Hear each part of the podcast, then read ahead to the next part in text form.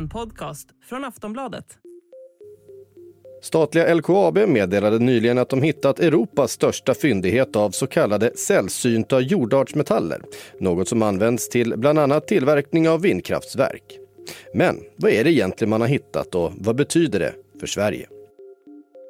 What we have now is the largest deposit in Europe regarding these materials of REEs.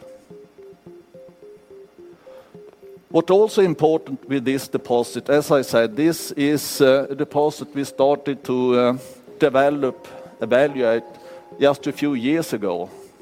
We have ongoing exploration activities in this deposit, which means that for us it's open, it's not closed. We don't actually know how big it is. Vid EU-toppmötet i Kiruna för en dryg vecka sedan passade LKAB på att presentera nya fynd av så kallade sällsynta jordartsmetaller. Ämnen som används i bland annat elbilar och vindkraftsverk. Och fyndet är enligt LKAB det största i hela Europa men utgör samtidigt en liten del av den totala prospekterade mängden globalt. Och att fynden presenteras just här och nu är givetvis ingen slump. EU har som uttalat mål att minska beroendet av framförallt Kina som idag står för en stor del av exporten av just de här ämnena. Men att borra nya gruvor i det redan hårt ansatta området är såklart inte okontroversiellt. Samebyn Gabnas renar har sedan urminnes tider vandrat just förbi Kiruna och har redan fått göra omfattande anpassningar på grund av de befintliga gruvorna. Mitt namn är Patrik Syk och med mig för att förklara vad det egentligen är de har hittat och vad det kan få för betydelse har vi Erik Jonsson. Jag är statsgeolog vid SGU, Sveriges geologiska undersökning och adjungerad professor i mineralogi vid Uppsala universitet. Som får börja med att berätta vad en sällsynt jordartsmetall är för något. Ja, om man tittar på dem normalt sett som en grupp, det är alltså om man kommer ihåg sitt periodiska system från kemin så är det alltså yttrium plus den så kallade lantanidserien, alltså eh, metaller med mycket likartade jonradier och egenskaper eh, som går från lantan till lutetium. Och vad är det då som är så speciellt med just de, de här metallerna? De brukar beskrivas som att de har eh, ganska unika egenskaper. Ja, framförallt så, så kan de ge många andra material unika egenskaper och det är väl exemplifierat då med, med att flera av dem är centrala för att tillverka högeffektiva magneter, någonting som man då nyttjar väldigt väl då i till exempel vindkraftgeneratorer och eh, motorer till elbilar. Och då är frågan, hur hittade man då den här fyndigheten? Jag antar att det inte gick över en natt. Det var inget man liksom snubblade över, eh, utan något Nej, man har misstänkt funnits där inte. länge. Och jag menar det här är att, att apatitjärnmalmerna som de kallas i, i Kiruna med flera ställen i Sverige innehåller mycket sällsynta jordartsmetaller. Det är ju inget nytt heller. Det har man ju vetat i runt hundra år. Så då är frågan, hur mycket är det man har hittat här? Är det det, är det, det som är grejen, att man hittat ovanligt mycket? Ja, man har, har i alla fall satsat tid och energi och pengar på att eh, bättre undersöka en del av, av eh, det mineraliserade systemet, en del av malmen i, i eh, Kiruna. Rimligtvis genom att borra upp den och sen genomföra stora mängder kemiska analyser. Och den siffran man fick fram då var ju en miljon ton sällsynta jordartsmetalloxider. Det som LKAB då presenterade förra veckan.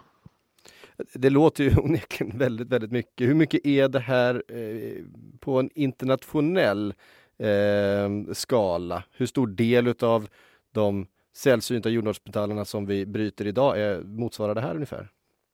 Ja, om man tittar globalt, alltså sällsynta jordartsmetaller går inte att riktigt jämföra med marknaderna och produktionen och konsumtionen av vanliga metaller om man får säga så, det vill säga järn, basmetaller som koppar, zink, bly etc. Eh, utan det är väldigt små mängder totalt sett det handlar om. Alltså den, den totala marknaden brukar landa runt ungefär 200 000 ton av rena sällsynta jordartsmetaller och räknar man upp till oxider så blir det ytterligare ett lite högre värde.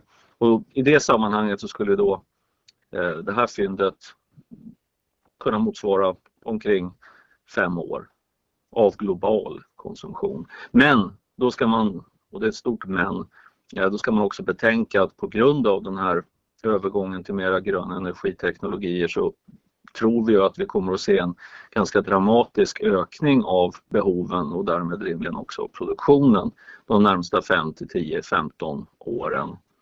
Eh, åtskilliga 100 procents ökning av, av eh, användningen jämfört med för ett par år sedan. Du sa att just de här metallerna finns på många ställen och man hittat den här fyndigheten.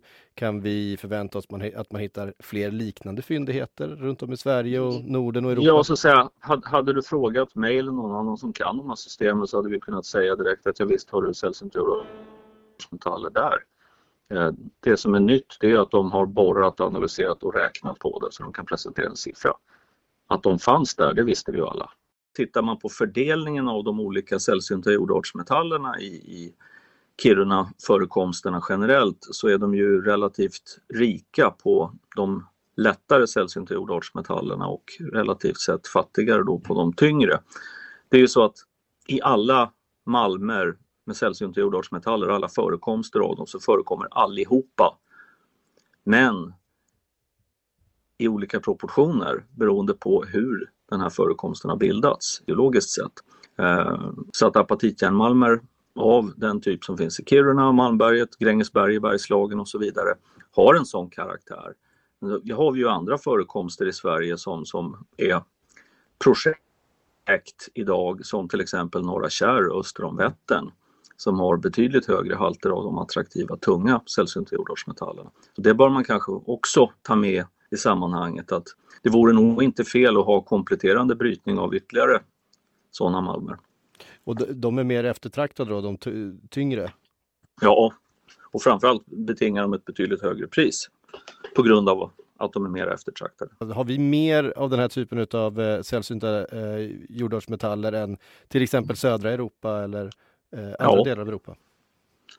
Vi har ju en helt annorlunda geologisk uppbyggnad här i det som vi kallar den fennoskandiska skölden som är gammal kall berggrund, kristallin berggrund som, som vi delar då med Norge, Finland och en liten, liten del av nordvästligaste Ryssland. Det är ju en väldigt speciell malmprovins också då i europeisk kontext som man gott kan jämföra med, med liknande malmprovinser i Nordamerika, Australien, Brasilien exempelvis. Kan du se framför dig att vi får fler av den här typen av gruvor och fler av den här typen av fynd presenterade framöver?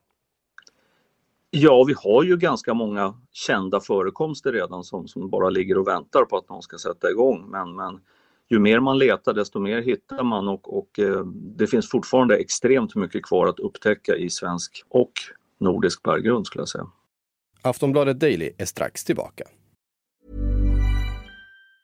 Quality sleep is essential for boosting energy, recovery and well-being. So, take your sleep to the next level with Sleep Number. With a Sleep Number smart bed, you can individualize your comfort level and enjoy a better sleep night after night. JD Power ranks Sleep Number number 1 in customer satisfaction with mattresses purchased in-store. And now the Queen Sleep Number C4 smart bed is only $1,599, a saving of $300 only for a limited time.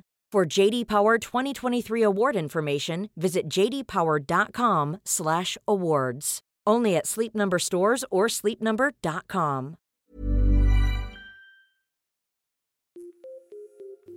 Ja, frågan är nu hur de här ämnena ska utvinnas. Hur stor affär det blir för Sverige och till vilket pris.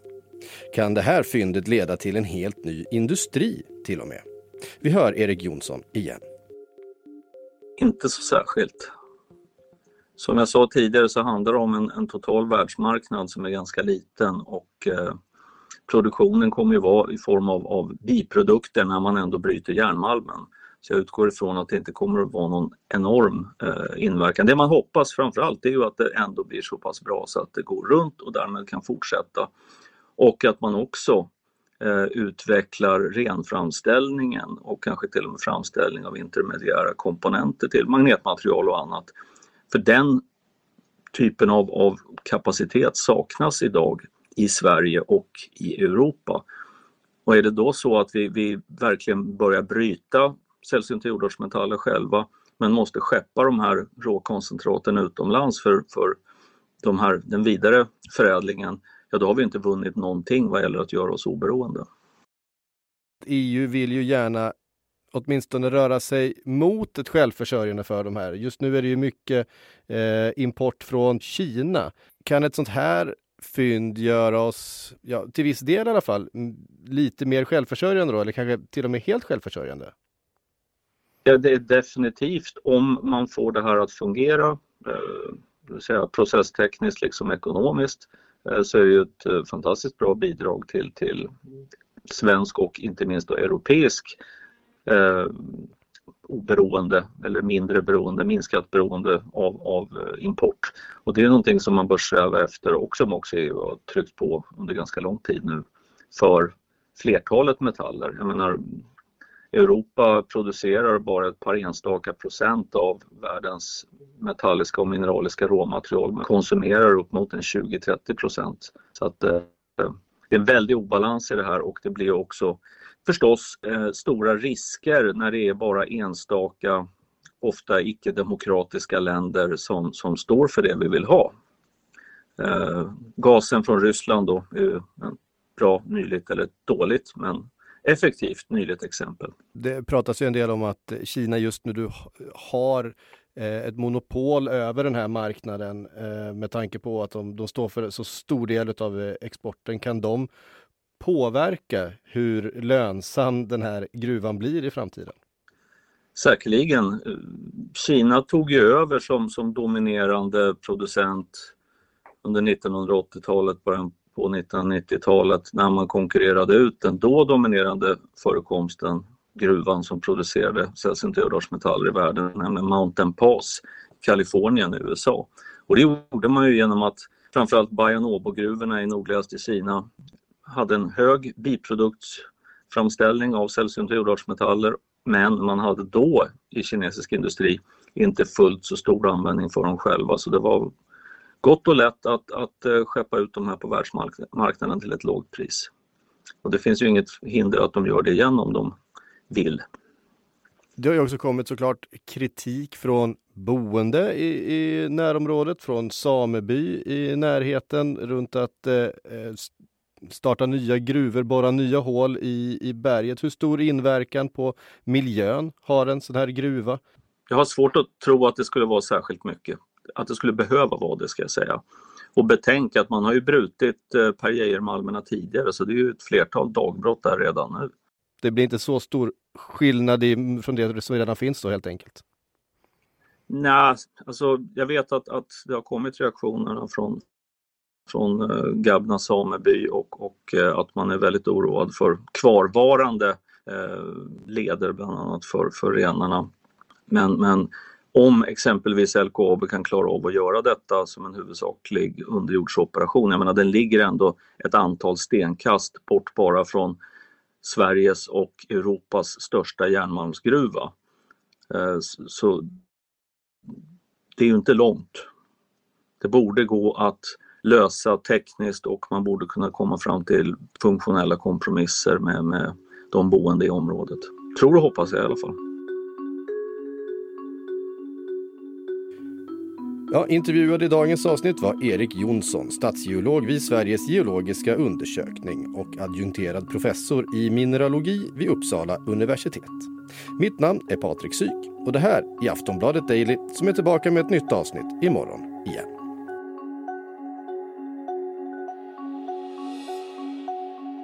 Du har lyssnat på en podcast från Aftonbladet. Ansvarig utgivare är Lena K Samuels.